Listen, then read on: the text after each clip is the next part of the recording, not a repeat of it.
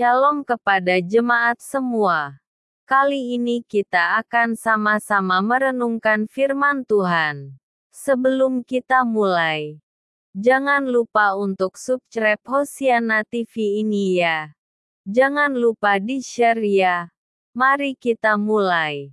Dengan judul Allah saja andalanku. Yesaya 37 ayat 1 sampai 20. Siapakah andalan kita? Raja Hizkia pernah mengandalkan manusia dan akibatnya. Ia kecewa. Setelah utusan Sanherib menyampaikan penghinaan atas bangsa Yehuda, Raja Hizkia meratap dan pergi ke bait Allah. Atas perintahnya, beberapa utusan menemui Nabi Yesaya, memohon perlindungan Tuhan. Nabi menyampaikan firman Allah kepada mereka.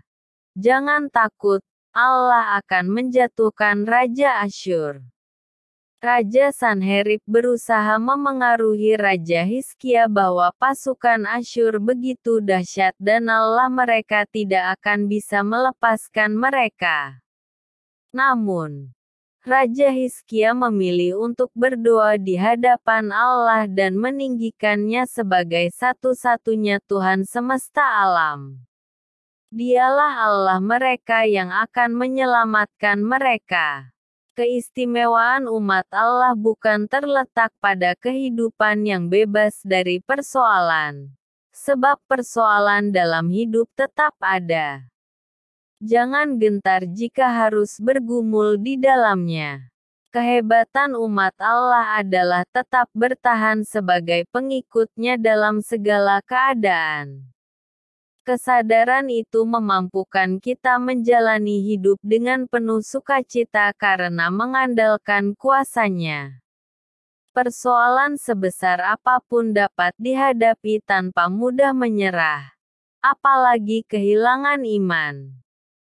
Karakter inilah yang membedakan umat Allah. Hidup ini adalah anugerah. Maka kita menjalaninya dengan penuh sukacita dengan mengikuti pimpinannya. Dengan pilihan hidup ini kita memuliakan Allah yang Maha Kuasa. Kita percaya bahwa kehendaknya selalu digenapi sehingga mengikuti pimpinannya tidak akan menjadi sia-sia. Inilah iman yang menggerakkan kehidupan dan menguatkan identitas kita sebagai umat Allah.